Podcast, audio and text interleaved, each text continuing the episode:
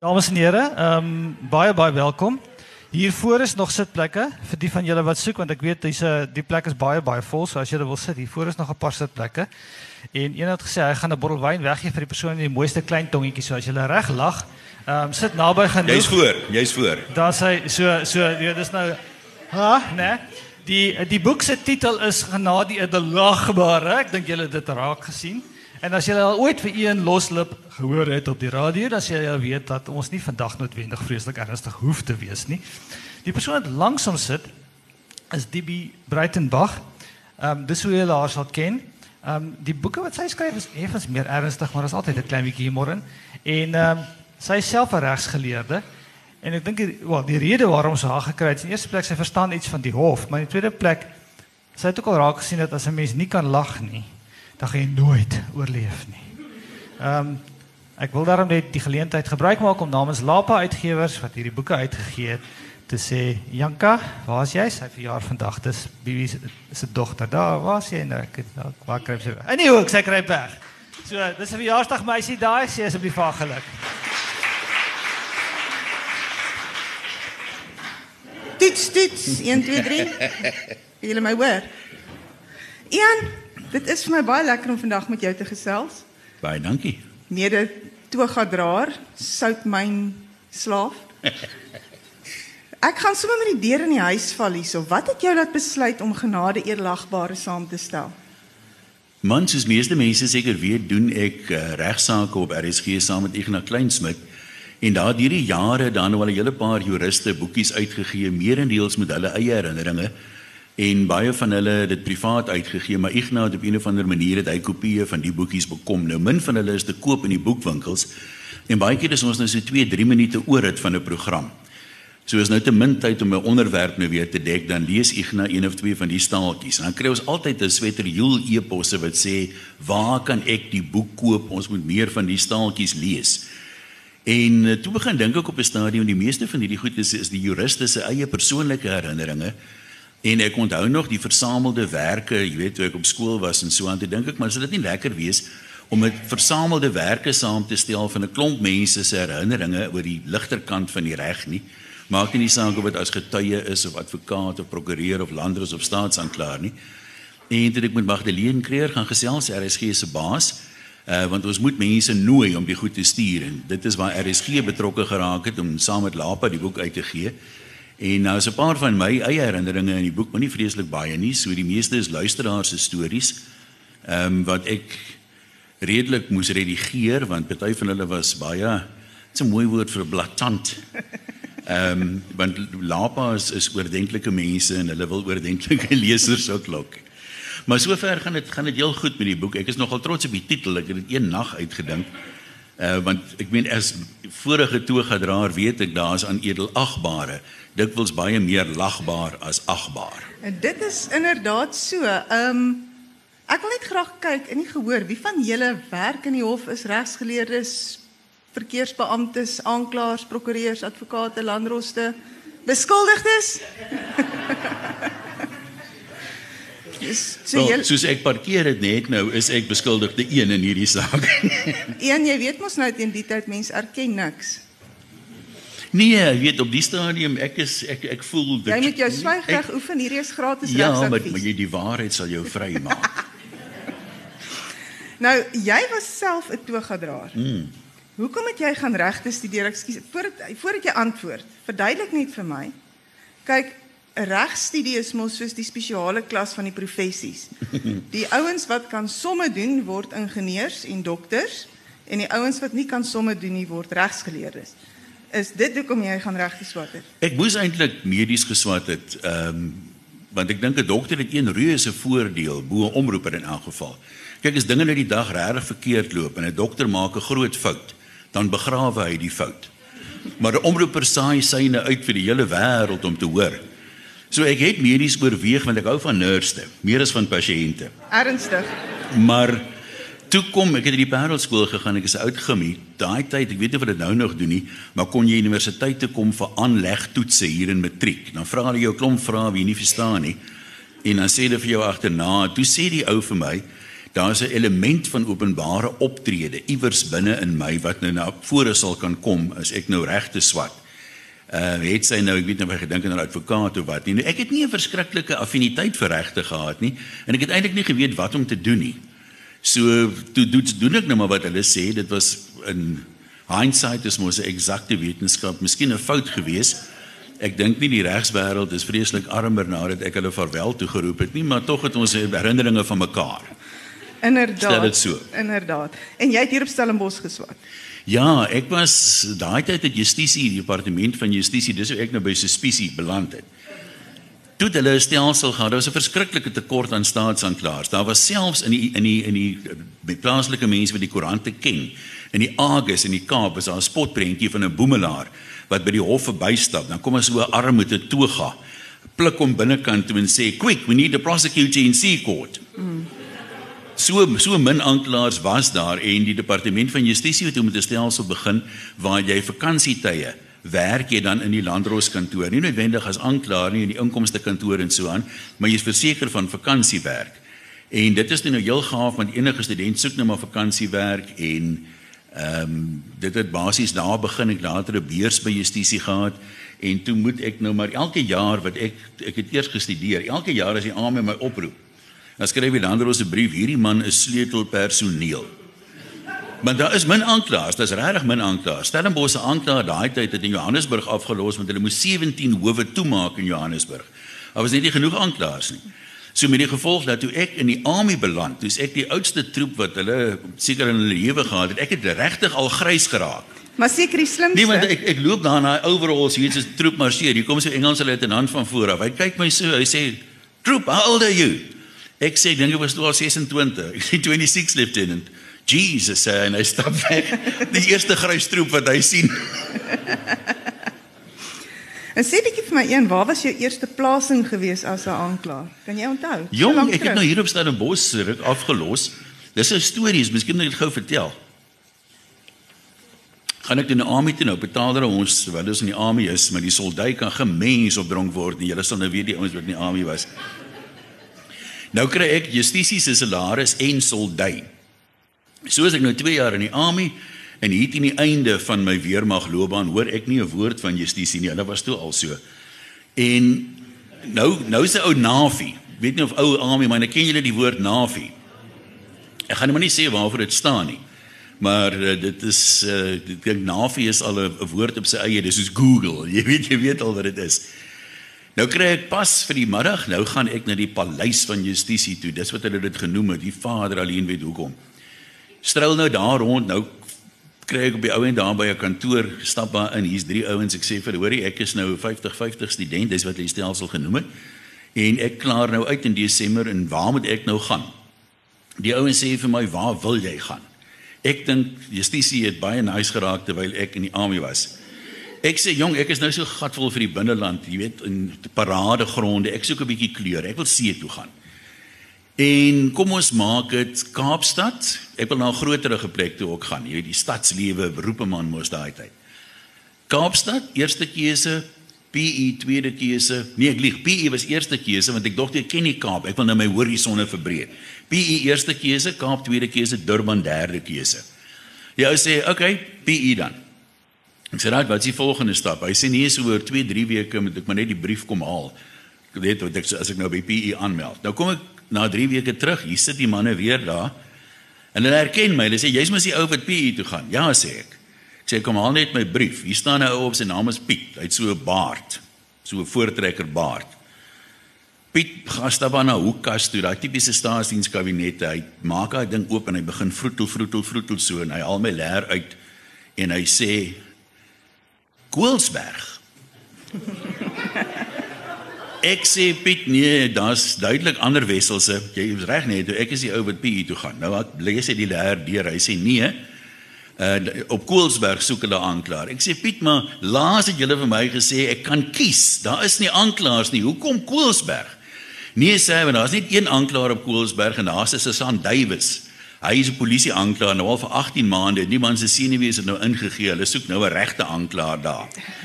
Ek sê, "Wat is my regte? Kan ek appeleer?" Hy sê, "Is jy 'n welsynsgeval?" Ek sê, "Nog nie, maar na jare Koelsberg sal ek wees."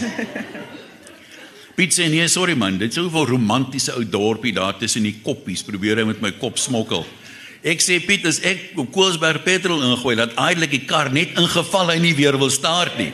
Die romantiese dorpie tussen die koppies, maar waar gaan Kiepie toe? Romantiese dorpie tussen die koppies. Dit was my eerste plaas. En jy het my 'n storie vertel van jou eerste saak ook.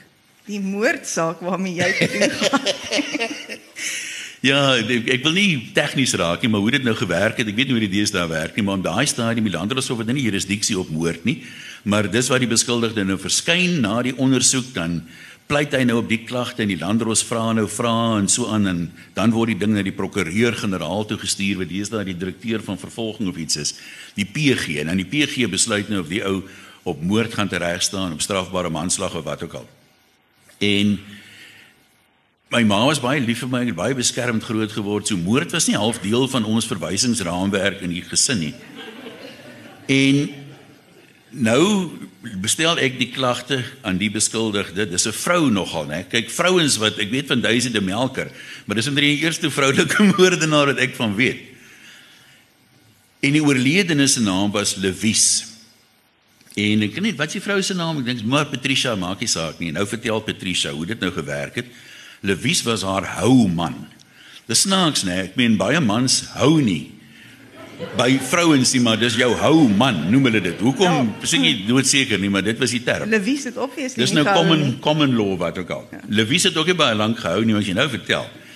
Dit blyk toe dat hulle stap toe nou uh iewers nou waar hulle bly toe En ek vermoed Lewis was 'n bietjie van 'n nadors gehad. En Lewis, soos sy dit stel, loop in krap toe aan sy privaat. En dit was vir haar nie mooi nie. Ek meen, wat sal mense sê as hulle dit sien? En sy betug daar vir Lewis en sê maar, weet daar's mense wat sien, hy moet nie dit doen nie. Maar Lewis wil nie luister nie. Nou jy weet, ou moet seker nou nie krap wat dit nie juk nie, maar wat maak jy nou as dit nou juk? Toe kom hulle by 'n kraan en Lewis is dors en Lewis buig daar by die kraan om water te drink en Patricia stap aan en sy sê toe sy so 20 tree weg is, toe sien sy Lewis kom nie meer saam nie. Toe sy omkyk, toe sien hy maar hy lê daar by die kraan en ruk. En toe sy nader gaan, toe sien sy maar hy bloei verskriklik uit 'n wond hier uh by sy by sy uh nek uit. Die bloed gorrel so dit sê dit nog beskryf. Nou vra ons vir haar nou waar was daar iemand betrokke? Hoe het nou gebeur? Nee sê sy, sy vermoed. Sy is nie doodseker nie, maar sy vermoed dat met die wat hy nou so almekaar aan sy privaat krap en hy, hy wil nie vir haar luister nie. Toe sy 'n messietjie uitgehaal net om hom skrik te maak. Toe sê sy, "Maar wie stop dit nou?" En sy vermoed sy moes hom per ongeluk skrams geraak het met die messietjie. Toe besef ek, jy weet, justisie is nie vir sissies nie.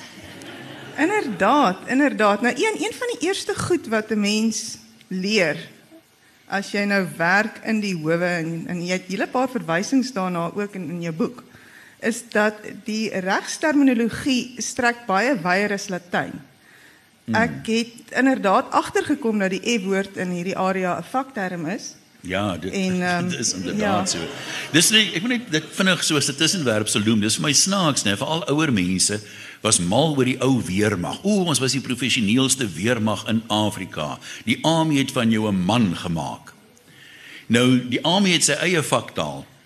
Maar laat jy nou van die army woorde gebruik buite die army, dan as jy dan glad nie oordentlik nie, maar in die army, jy weet, was jy nie 'n troep nie, jy was 'n poep poep troep. Punt. Maar anyway, net so dat dit net om te wys hoe teenstrydig mense soms inderdaad, is. Inderdaad, inderdaad, maar dit is dis baie rigting spesifiek in elk geval. Nou, jy het interessante anekdotes in jou boek oor die taal waarmee jy te doen gekry het as 'n beginner aanklaer. Ja, jy weet die, die polisie het nogal taamlike terme. Hulle hulle praat van 'n ou wat nie in 'n bende is nie, want daar's nogal baie beskuldigdes in bendes. 'n ou wat nie in 'n bende is nie, is 'n Fransman. Vra my nie hoekom nie. En uh, iemand wat nie in die polisie is nie, is 'n haas of 'n haasman. Dis die term wat hulle gebruik het. Nou is die ondersoekbeampte en 'n vrou eendag daar by my in die kantoor en daar's nou by hulle ingebreek En die vrou, die dame nou verwoed gestraf word aan die mense wat nou hierdie goeders gedoen het en so aan. En die polisieman sê so die ondersoekbeampte so half vir homself Ja, sê jy weet, die haase wil mos nooit glo dis 'n Fransman wat by hulle ingebreek het nie. En die vrou strip haar moer, sy sê die polisieman moet darm sy woorde tel. Ek meen daai beskuldigde is net so min Frans as wat sy haas is. Inderdaad, jy weet in in in een van die redes hoekom ek gevra het wie van watter van die lede van die gehoor in die howe werk is omdat 'n mens 'n tipe van 'n galge humor ontwikkel as jy elke dag met moord en roof en doodslag en algemene ellende werk. 'n Situasie wat ek persoonlik beleef het was die van 'n ondersoekbeampte wat nou ook saliger is. Hy's doodgeskiet in 'n in 'n polisieoperasie. Nou een van die eerste sake wat ek saam met hom gedoen het was die van 'n oorledene wat voor 'n trein ingespring het die man was dit ook nie lank gehou nie, maar in elk geval die ondersoekbeampte skryf toe in sy verklaring hy moes die toneel gaan bywoon. En daar het hulle die oorledene opgetel van Paul 13 tot Paul 18. En dit is eintlik nie regtig snaaks nie. Ek skuis tog ja, dit was net 'n uh, uh, iets wat my opgeval het. Nou toe jy nou begin aankla het as 'n beginner aanklaer. Wie het vir jou geleer wanneer om te sit en wanneer om te staan? Want dis mos baie soos 'n katolieke mis. Dan sit jy, dan staan jy, dan sit jy, dan staan jy. Ja, ek was ek was baie gelukkig geweest ek het hier op Stellenbosch nou die is deel van die 50-50 stelsel begin. En hier was 'n hofordonnans Sergeant Sergeant Turin het weens ambisie in die hof beland. Kyk, die die polismanne wil nie eintlik hofordonnans wees nie. Jy's baie admin en so aan. Jy sit net maar daar en Turinkie het die job gekry as gevolg van sy ambisie. Want as hy nou naweke op diens is by die polisiestasie hier op Stellenbosch, dan kom altyd mense aan. Julle ken mos nou van huismoeles, as jy dit nog nie self ervaar het nie. Vra nou 'n ou aanklaer. Ek meen daai vrou kom daaraan en dan moet daai man gestraf word, maar binne 'n week of 'n paar dae dan maak hulle op en dan moet die saak teruggetrek word en almal 'n klomp werk verniet gedoen. Toerientjie het dit goed geweet. So as dan nou 'n man en 'n vrou aankom, wat nou wil klagtes gewoonlik teen mekaar lê vir aanranding of wat ook al, dan sê toe Rientjie, maar is julle nog lief vir mekaar? Wil julle nog saam wees? Dan sê die vrou gewoonlik nee, die man is te gruwelik. Dan sê hy net maar kom ek skei vir julle. Dan vat hy 'n pampier en skryf hy daar geskei op en sit hy die polisiestasie se chap op. En dan as die mense nou opmaak oor 'n week of wat nou, hoef hy nie al die verklaringe af te neem nie. As hulle nou oor 'n week of twee terugkom en hulle het nou opgemaak, dan skeer hy net die papier op of hy skryf cancelled daar. Dan is daar nou weer vrede in die huis. Maar toe op 'n stadium toe kom die distrikskommissaris 'n onverwagte inspeksie doen en terwyl hy in die in die polisie aanklagkantoor is, kom daar mense wat hulle egskeiding ongedaan wil maak. En Torintjie het hy's eerlik ou, hy het sy eie handtekening bygesit. Dis sê die kommissaris by beskou dit as 'n bietjie te ambisieus en die polisie se naam kan nou in die gedrang kom. Nou hy's nou 'n hofordonnans hierso. Uh, ek het nog 'n hofordonnans gehad. Jy praat sê van die wrang humor. Kyk, die polisie is maar lief vir kuier. Almal ken die term polisie koffie. En die een ordonnans was die Turini, ek sê die ander ou se naam maar verswyg. Die ou en Babbelas was intieme vriende. Hulle was soos 'n identiese tweeling meeste oggende en hy het vir my die beste beskrywing van Babbelas gegee wat ek in my lewe gehoor het. Ek vra een oggend vir hom, "Hoe gaan dit vandag?" Hy sê, "Jessie meneer, ek voel ver oggend weer soos 'n emmer kak wat skuins teen 'n lorry se wiel staan." maar Turinkie ken toe nou die storie en hy het my verskriklik baie gehelp met, jy weet, wat wat waaroor hierdie ding gaan en roep die ou, weet, vra of uitstel staan, sit, shut up, wat ook al, hy het my agterheen baie gered. Ehm, 'n um, goeie ordonnans is goud werd en 'n goeie tolk. Absoluut. Dit is tolke, volgende... jy weet, vat kort paaie, hulle skryf die hofboek op en ek meen hulle is hulle is nogal ehm um, met mense daar's 'n stukkie oor tolke ook in die boek. Ek meen een van die stories wat mens by 'n paar mense al gehoor het, maar wat ek my baie goed kan indink is van die tolk wat ehm um, die gewone kan sê die aanklaer op die landros of ook al praat, praat so sin dan tolkie tolk en dan antwoord die getuie dan tolk hy nou weer terug Afrikaans toe. En dit blyk dat die tolk en die getuie is half in 'n eie gesprek nou gewikkel. Dit die, hy vat baie lank nou om die ding te tolk. En nou vra die die landros later, "Wat sê hy meneer tolk?" Nou sê die tolk, "Nee, edelagbare, hy praat 'n irrelevante klomp twak." Nou sê die landros maar die die hof sal besluit of dit relevant is of nie. Wat sê die man? Hy sê hy sê waar kry jy daai swart jas wat jy aan het? Kan hy ook een gaan koop by Pep Store? So waar kry jy daai jas? Is dit die toga? Een wat ek persoonlik belewe het is wel twee insidente met die, dieselfde tolk was onder andere 'n saak waaraan ek gewerk het waar die getuie praat en praat en praat en praat en praat. En elke keer as die tolk moet oortolk wat hy gesê het, dan sê hy vir die landros, "He knows nothing, your worship." Dan praat en praat en praat en praat en praat die getuie en dan tolk die tolk, "He knows nothing, your worship." En op 'n stadium raak die landros opgewonde en sy sê vir my luister, sy kan self hoor. Hierdie man sê baie meer as hy sê nothing. Die tolk kyk as hy sê vir you worship, he knows f all. Jy kry ook mos tolke wat baie tolk in die derde persoon die beskuldigde sê hy dra nie kennis of wat ook al nie en ander ek die ding. Hy sê nee, waarvan praat jy? Jy weet daai tipe ding. En nou was so 'n tolk gewees dis haar vaderskap saak voor die hof. Vaderskap word nou betwis, maar wat die landros nie geweet het nie, is dat die tolk was een van die kandidate vir vaderskap.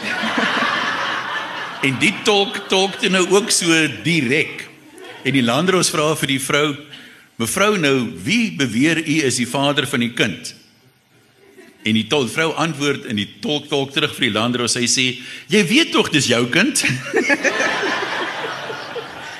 Dieselfde tolk wat so geëkol het in die hof, moet tolk in 'n onderhoudsaak. En uh, dit gaan oor die onderhoud van 'n tweeling.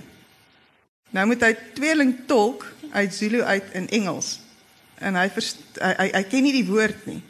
En hy het so rukkie stil gebly en toe double clutch your worship. ja, jy kry mos hierdie hoogdrawende ehm um, advokate partymal. En die een advokaat begin, hy sê your worship, I find myself on the horns of a dilemma today. En die tolk kyk die besigheid, hy sê edelagbare Ek bevind myself vandag hier op die horings van 'n dier waarvan ek fok weet nog nooit gehoor het nie. een wat nou behalwe behalwe nou die hofpersoneel die die die die die baie belangrike kardinale personeel soos die tolke en die ordonnanse want die res is periferaal is daar ook beskuldigdes mm praat mevrou jy het 'n hele paar anekdotes oor interessante beskuldigdes in jou in jou boek Ja, ek sukkel nou om dit te onthou. Kyk, party van hierdie ouens eh, as 'n wel is is ou baie tattoos het. Dis nou vandag mode baie mode, maar toe ek begin aankla het, het net matrose en beskuldigdes tattoos gehad. Dit was maar soos dit was daai tyd. Nou party van hierdie ouens is van die tattoos, hulle het altyd gesê dit lyk of jy hom met 'n nat agus geslaan het soos die drukkers ink afgegee het op hom. En gewoonlik in die bendes, jy weet, versamel die ouens hierdie goed. Nou later was hulle al so baie in die hof. Hulle weet meer van hoftaal af as 'n jong aanklaer of 'n jong prokureur. Maar nou meng hulle die hofterme wat hulle nou al gehoor het met die beskolietaal wat hulle eintlik praat.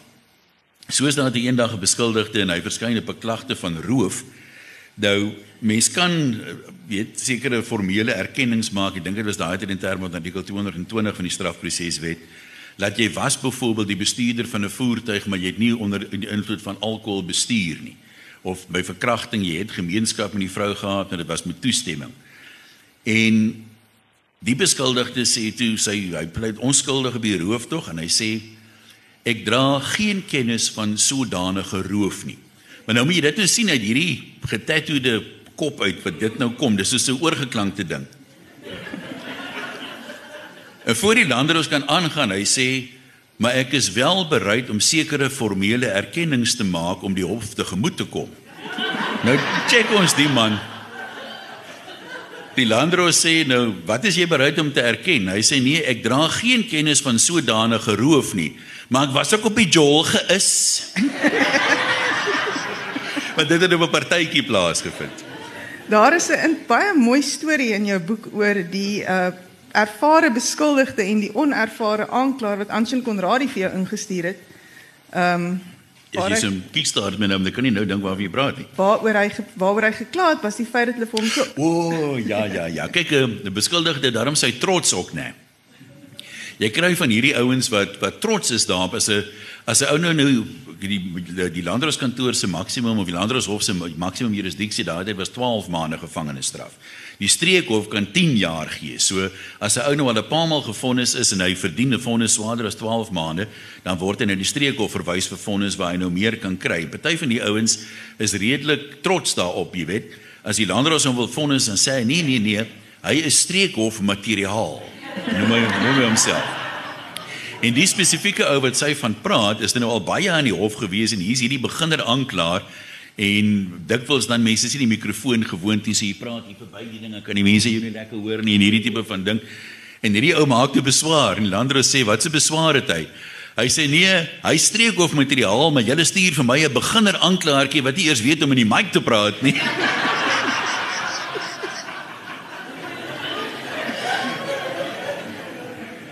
Nou prokureurs en advokate veroorsaak ook interessante situasies in die howe. Een van die goed wat my gebeur het wat ek die meeste geniet het was 'n uh, prokureur wat 'n psigiater probeer kruis ondervra het oor 'n psigiatriese verslag. Nou die psigiater is ook 7,5 miljoen jaar oud. Hoekom hy nog praktiseer, weet ek nie, maar hy praktiseer nog steeds. En die een ding wat enige ervare regspraktisyn vir jou sal sê is jy kruis ondervra nie iemand as jy nie weet wat hy gaan sê nie. Want dan loop jy 'n ernstige risiko om jou naam 'n plank te slaan. Die prokureur vra te vir die psigiater: "So sir, so doctor, your job is to examine the human mind." En die psigiater staan met sy vingertjie so in die lug, is so maar oometjie. En hy kyk hom so hy sê: "My son, During my illustrious career, I have dissected thousands of human brains. And I can tell you emphatically the human brain does not contain a mind. Wat was vir jou die lekkerste voor Ekskuus tog die lekkerste voorval wat jy ooit gehad het in die hof waar 'n prokureur op sy Moses gekry het? Yes, wie, dis nogal dis nogal moeilik. Uh Hy was op einste staan 'n bosse jong ouetjie en ervare mense sal weet jy hoef nie bang te wees vir 'n ou met 'n splinter nuwe toga en akte tas nie. Maar as 'n ou so 'n winkelhak skeur in sy toga het en hy bodde nie om dit reg te maak nie. Be afraid, be very afraid. Nou hierdie ouetjie is nou nog jonk en nuut, jy weet. En is in 'n latere bestuursaak iemand wat 'n U-turn gemaak het en 'n kar gestamp het. En die getuienis is dat daar was nie uh, insittende in die een voertuig nie, die stilstaande voertuig nie. En hierdie prokureur spring op en hy begin betoog daar, jy weet dat die groen skuim sit eintlik so om sy bek. Hy hy sê edel, hy het gebrei ook. Edelagbare, hier is nie sprake van nalatigheid nie. Die ander voertuig het nie eers 'n bestuurder gehad nie. So hoe kan daar sprake wees van nalatigheid? En die landros kyk hom so, hy sê meneer staatsanklaer, Ek sê wel, ek verwys hom na uh, strafreg 3, maar jy was seker nie in professor Rabie se klas nie, so I rest my case. En uh, die hof het nou vir mooi verduidelik dat dit nou nie nodig was nie, maar ek sê om daai ou te sien afblaas was nogal lekker. Ons het 'n prokureur gehad wat baie lief was as hy nou hy, hy, hy was eintlik heeltemal aan die verkeerde kant van die lyn. Hy moes eintlik 'n aanklaer gewees het. En as hy nou sy kliënt se getuienis nou klaar gelei het en eksentrieke man, baie eksentrieke man. En hy het nou niks meer te sê nie. En sê hy vir die hof, "Your worship, we will not fabricate any more evidence." nou jy het 'n uh, 'n uh, 'n staaltjie in jou boek oor 'n eerlike prokureur wat moes getuig ter strafversagting vir sy kliënt of of uh, moes betoog ter Ja. strafversagting vir sy kliënt. Die ou hy seker ook al dood, dis Burden Gilmore gewees. Hy het hier op Stellenbosch gepraktiseer. Nou wat dikwels gebeur, jy sal vind dat berou is mos 'n snaakse ding. Berou kom nooit na vore voor skuldig bevinding nie. Nee. Tussen Nee. skuldig bevinding en vonnis, dis waar jy berou vind. En hulle raak ook gewoonlik die mense raak baie godsdienstig dan. Ja, ja. ja. Nee, daar daar een keer 'n man, dis 'n ander storie, maar die een is nie in die boek nie. Een keer 'n ou getuig uh dat terwyl hy nou in aanhouding was in die tronk, jy weet, hoe hy tot bekering gekom het en hoe hy nou 'n opgeskorte vonnis wil hê dat hy die Here se werke gaan voortsit daar buite en hy's 'n nuwe mens, hy's wedergebore en al hierdie tipe van goed. En die landdroos vra hom, "Die aanklaer nou, wat sê u daarvan?" En al wat ek toe aan kan dink is om te sê, "Edelagbare, ek dink daar is 'n uh, groter behoefte aan die Here se werk in die tronk as daar buite. So ek stel 'n geruime tyd gevangenisstraf voor dat hy die goeie werk wat hy reeds begin het kan gaan voltooi." maar die die eintlike storie wat ons wil vertel, nou kry jy dat gewoonlik hier rondom teetyd dan is daar nou beskuldigde wat gefonnis moet word, maar nou begin hy klein koppie trek berou is nou in. En dan as daar 'n prokureur is vir 'n ander saak, dan nader hulle altyd die prokureur om vir hom nou te verskyn ter strafversagting. En jy weet daar verwissel 'n paar gebruikte 20, 50 rand, 100 rand note dan nou van eienaar daar wat Jan Tax nie sommer weer sien nie by the way. En die prokureur vat die saak, hou verskyn hulle konsulteer nou daar in die hoek, nou verskyn hulle agterna, maar hy uh, die sy beskuldig sy vir kliënt die beskuldigde dink ek nie het vir hom gesê wat so vorige veroordeling sy het nie. Want dis blaaie en blaaie en blaaie. Dit was regtig baie. Die SAP 69s die vorm.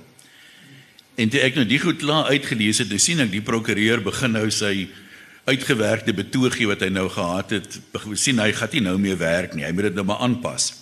Nee ek weet nie of die beskuldigde se se geld teruggegee het nie Maar hy staan toe op en hy sê hy wil aan die hand doen dat 'n opgeskorte vonnis 'n gepaste straf sal wees. En die landdroos kyk hom so hy sê meneer maar jou kliënt is al by telke male skuldig bevind aan geweldsmisdade. Hy het al gevangenisstraf gehad wat nie die genodige rehabiliterende uitwerking gehad het nie. Hoe op aarde motiveer u dat hy nou 'n buitestraf moet kry soos hulle dit noem? 'n uh, opgeskorte vonnis. Die ou sê wel edelagbare die die doel van langtermyn gevangenisstraf is rehabilitasie. En hy voel dat uh, daar's nou klaar 'n klomp mense in die tronk uh, wat op die randjie van rehabilitasie staan, mense goeie werk wat korrektiewe dienste doen en hy vra opgeskorte vonnis want hy voel as sy kliënt vandag tronk toe gestuur word, gaan hy net 'n slegte invloed wees op die ander ouens daar binne. Jesus Daar's een storie in die boek wat vir my verskriklik mooi is. Ekskuus, ek gaan nou net een trappie terug na slim beskuldigde storie. Dit was hierdie onwettige immigrant met die makrokodil. Ja, die storie kom na hele wêreld uit daar en is Mosambiek grond en en uh hoe dit gewerk het. Ek kan nie die plek se naam onthou nie, maar daar's gereeld onwettige immigrante aan die Suid-Afrikaanse kant van die grens. Dan word hulle nou gedeporteer Maar kort voor lank is dieselfde manne maar weer terug. Dis soos om iemand vir beterskool toe te stuur. Hy's gewoonlik terug op die dorp voor die ouens wat hom gevat het. Nou die ou het nou 'n storie. Hulle vra toe vir hom, nou, "Wat soek jy alweer hier?" Hy sê, "Nee, is nie eintlik sy skuld nie. Toe hy nog baie klein was, nou woon hy in Mosambiek se kant van die rivier. Hy sê toe eendag toe hy swem, toe's daar 'n klein krokodilletjie. En Die krokodilletjie was glad nie aggressief nie en hy en die krokodilletjie het maats gemaak. Dan swem hulle nou so saam. En later het die krokodilletjie nou begin triks doen. Hy vat byvoorbeeld nou 'n stuk stomp of iets, dan druk hy dit in die krokodil se bek, dan staan hy op die krokodil se rug en dan swem hulle nou die hele rivier rond, jy weet. En hy sê dan sê hy vir die krokodilletjie, "Oké, okay, dit was nou lekker. Ons moet nou terug gaan Mosambiek toe." Hy sê maar die bloody krokodil klim almekaar in die republiek se kant uit. Nie in Mosambiek nie. Dan staan hy nou maar hier. En o, oh, dis hoe hy hier beland elke slag. Nou een van die dinge wat min mense verstaan is hulle hulle sien en en, en met reg sien mense die howe as 'n verskriklike plek want dit is. Dis nou nie 'n plek waar jy Saterdag agtermiddag wil gaan spandeer nie. Kom, kan ek gou vir jou iets sê? Dalk is hier 'n 'n professor wat wat dit kan verklaar. Maatskappye spandeer miljoene rande om 'n corporate identity op te bou. Ek meen, destyds toe Volkskas en Trustbank saamgesmelt het en Absa geraak het, het hulle miljoene spandeer daar, maar dit was heel verskillende kulture. Ek meen Volkskas was die Afrikaner se bank, Trustbank het die mooi girls gehad. En Trustbank was berug vir die mooi girls, soveel so dat daar was in rapporte spotprentjie gewees van 'n bankroof by Trustbank. En die rower sê toe maar al die personeel moet gaan lê op die vloer. Almal lê toe op hulle maag gesig na onder en die een blondine lê toe op haar rug gesiggie na bo. En die bankbestuurder lê so langs haar en hy sê: "Juffrou Smit, dis 'n bankroof, nie 'n bankpartytjie nie." maar die punt is hulle spandeer die miljoene rande om nou die korporatiewe identiteit te skep. Maar vat net maar die poskantoor en justisie. Hulle het nog nooit 'n sent spandeer nie. Maar jy kan enige landdroskantoor in hierdie land nou instap en onmiddellik kry jy daai kakgevoel. Hulle het net daai selfe vibe. Is soos vat net maar 'n poskantoor. Ek meen al wat ooit vinnig gebeur in 'n poskantoor is miskien 'n gewapende roof. Dit maak nie saak waar jy gaan nie. Dit is mos soos dit werk. Dis ek in die rede geval. Verskriklik. Ja, my apologie. Yes, like. Nee, wat ek wou sê, Jy onthou nog van die wyn, hè? Die howe oor die algemeen is nie 'n gebruikersvriendelike plek nie. Hmm. Tog kan 'n mens nie die werk doen as jy nie regtig van mense hou nie. Ja, dis hoekom ek bedank het. Ja, dit is miskien 'n goeie ding. Jy jy jy raak ware en wyse woorde kwyt, Ian. Nee, dis dis baie waar wat jy sê. Ehm um, vir my was dit net ek ek glo nogal, jy weet, ons elkeen is hier op aarde met 'n spesifieke doel. My doel was nie om by justisie te bly nie. My frustrasie toleransie is net te laag. Want ek meen elke dag werk jy met kriminele en ek meen nou praat ek van die beskuldigdes, dis nie eers van die prokureurs nie. En hoe dit werk, die heel dag lieg mense vir jou. Hulle vertel vir jou een of ander storie. Nou in goeie Afrikaans kan jy nou nie vir 'n ou sê moenie nie met my kom twak praat of wat ook al nie.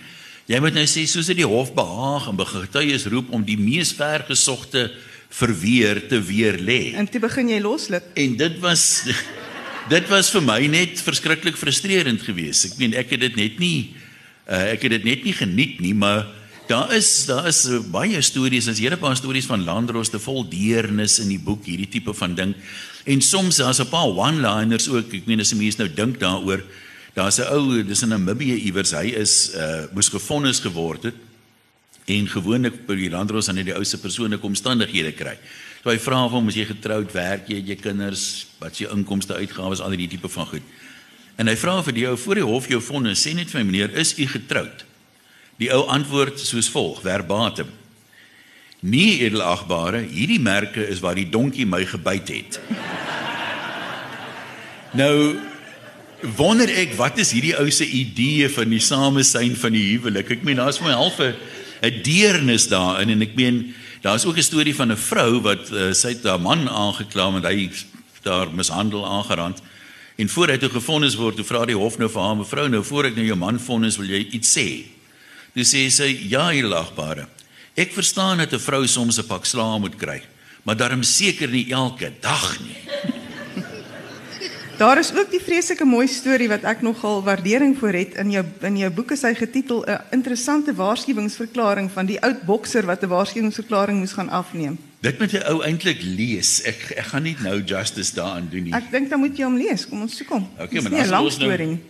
Maar ons net eers vandag vir 'n bril en al die goed wat daarmee saamgaan, maar ons wil 'n plan maak.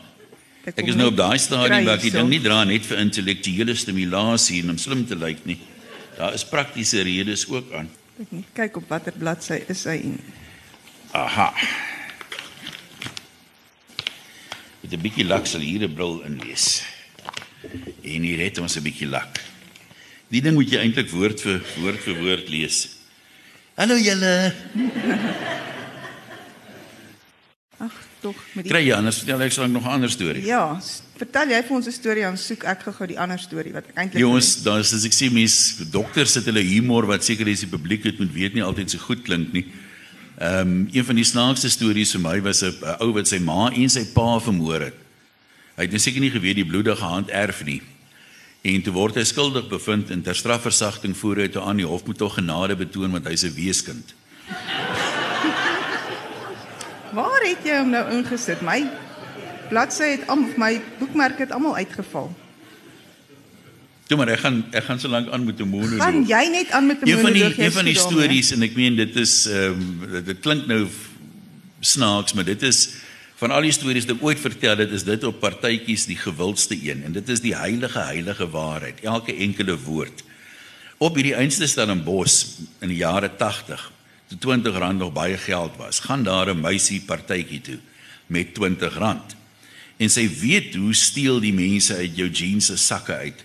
en sy vat die R20 en sy besluit sy gaan hom op 'n beter plek wegsteek. Sy gaan hom voor by haar panty indruk.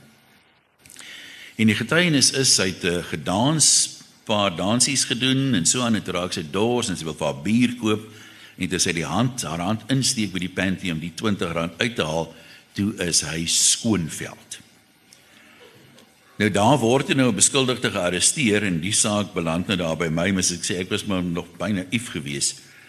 En nou vra ek vir die vrou en sy sê sê mens moenie vra vra as jy nie weet wat die antwoord is eintlik nie. Nou sê ek van op geen stadium toe sy gedans het, dit sy onraad vermoed nie. Ja, sê sy, sy het op 'n stadium gevoel daar's 'n hand daar doenig, doenig in die omgewing van die R20. Nou haal ek diep asem want ek mens moet mos oordentlik wees, jy weet.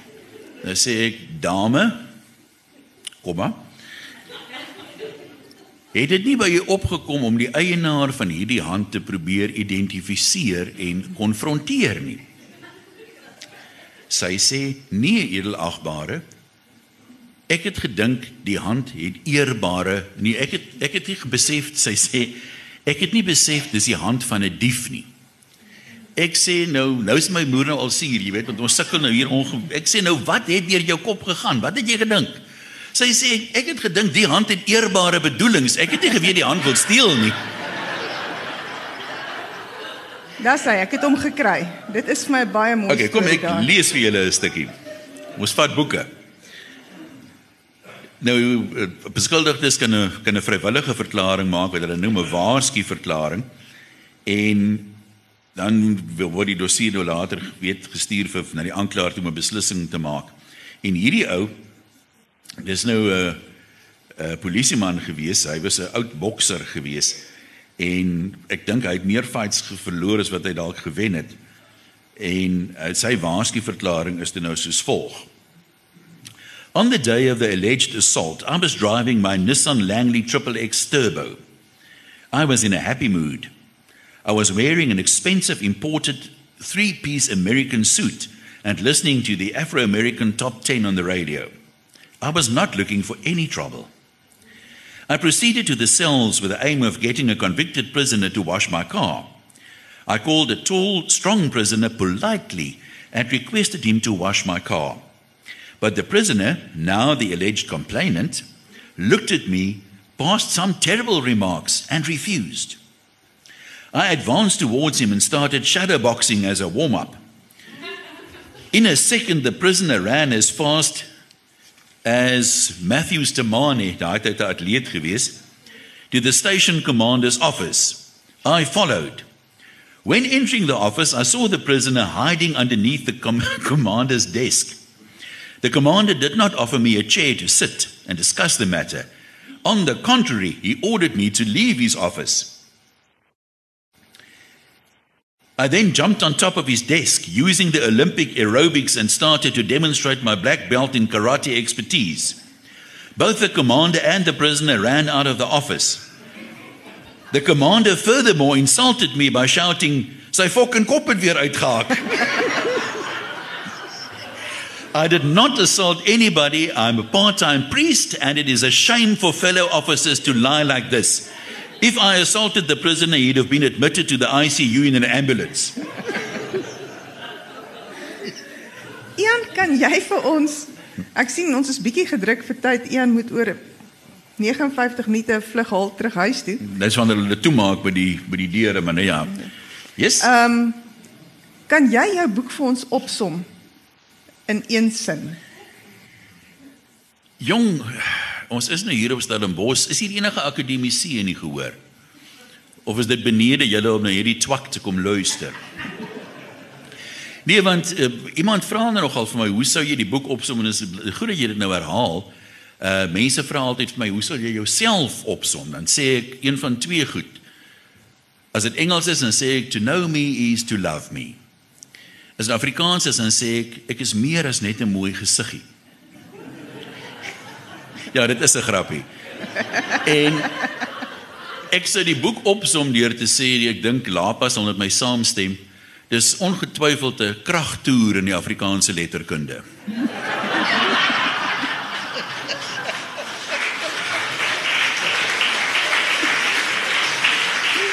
Baie dankie. En dan laaste, nee, voorlaaste. Is daar enige vrae uit die gehoor uit? Is daar enige iemand wat iets vir Ian wil vra?